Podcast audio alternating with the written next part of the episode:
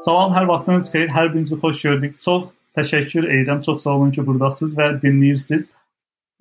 Elit performans sahibkarlıq biznes sahəsindəki Azərbaycan dilindəki ilk podkastı başlamanın qürurunu və hiss, e, həyəcanını yaşayıram. E, bu mənim üçün çox önəmli idi. Başlamağı və sizinlə bunu paylaşmağı çox istədiyim, hədsiz çox istədiyim bir layihə idi və nəhayət ki başlaya bildim. Mənim üçün çətin oldu. Çətin olmasının əsas səbəbi o idi ki, Əgər podkast başlamaq istəyirsinizsə, texnologiya, software bunlardan çox yaxşı başa çıxmalıdır və bu mənim ən zəif olduğum sahələrdən biri idi və məhz buna görə də çox vaxtımı aldı, məni çox yordu. Hətta bir yerdən sonra dayandırdım, dondurdum layihəni və uzun bir müddət heç bir iş görmədim bu layihə üzərində.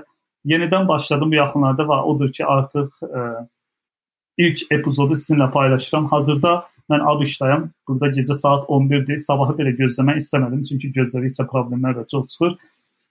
Podkast nədir? İlk onu deyim. Podkast yəni tanış olmayanlar üçün şəxsi radio kimi düşünün. Bir insan internetdə başladığı öz radiosu kimi düşünün. Yəni podkast budur sadəcə və bu podkastda nələr olacaq, necə dinləyəcəksiniz, onları indi qısaca izah edəcəm, izah edəcəm, anlatacağam.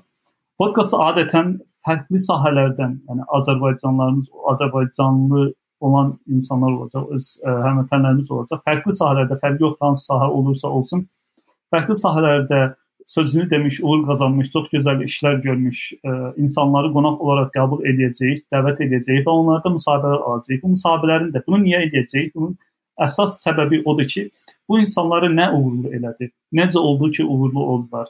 Hər insanda işə yarayan metod, alət, strategiyalar və texnikalar tamamilə fərqlidir. Və buna görə hər insandan bir növ belə deyək, bunun bütün bu dataları toplayacaq və bunu hər kəsin anlaya biləcəyi, istifadə edə biləcəyi şəkildə, öz həyatına tətbiq edə biləcəyi şəkildə hər kəslə paylaşacağam. Yəni hədəfim budur, uğurlu, faydalı olacağından da əminəm. Podkastı bəs necə dinləyəcəksiniz?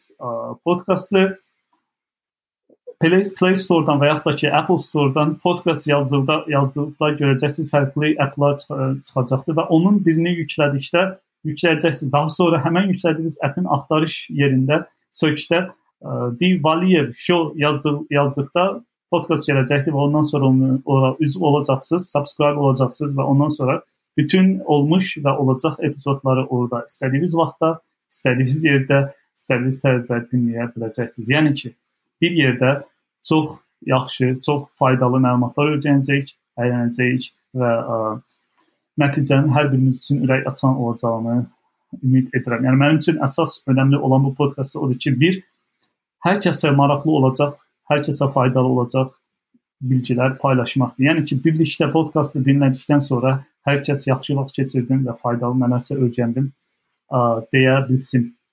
Əsas məqsəd budur. Qonaqları adətən mən özüm şəxsən ə, müsahibə edə, alacağam, intervyu edəcəyəm. Bəzən isə mənim köməkçilərimdən kimsə ə, müsahibə alacaqdır.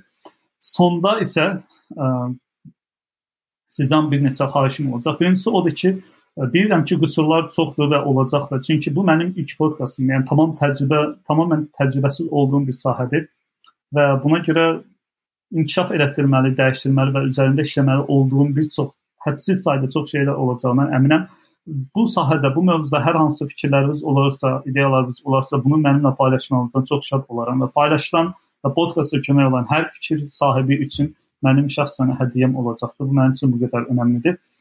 Ə, hazırda bilirəm qüsurlar var. Bəs niyə bu qüsurları deyə bilərsiniz ki, həll eləmədən, ortadan qaldırmadan başlamadan? Çünki mənim bir inancım, bir yanaşmam var ki, həyatıma daima tətbiq etməyə çalışıram. O da budur ki, əsas hər şey mükəmməl olduqdan sonra başlamaq deyil. Əsas olan odur ki, başlayırsan və başladıqdan sonra, yəni proses zamanı, icraat zamanı feedback alıb o ona görə nəticələrə görə düzəlişlər edirsən. Yəni atalar demiş, karvan yolda düzələr. Mənim yanaşmam, həyat fəlsəfəm budur. Narahat deyiləm qorxmuram ki, səhvlər var, qüsurlar var və s. və axır bu mənim əsla vecsiz, əhəmiyyətsiz və dinləyicilərə qarşı hörmətsiz olduğum demək deyil. Sadəcə mənim üçün mənə görə ən yaxşı öyrənmə bu bu cürdür. Yəni sadəcə mən özüm oturub hər şey ən yaxşı necə olar sualının cavabını tapa bilmərəm. Sizin hər birinizin fikirlərinə, hər birinizin tənqidinə, hər birinizin alqışına da ehtiyacım var. Motivasiya lazımdır.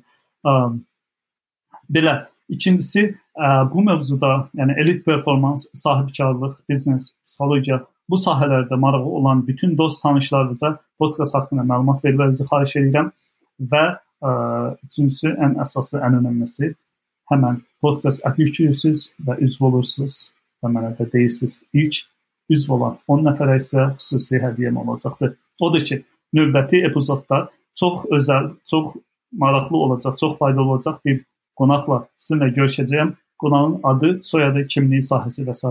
və s. Heç bir məlumat verməyəcəyəm. Hələlik sürpriz olaraq qalsın. Növbəti epizodda görüşənə qədər. Hələlik.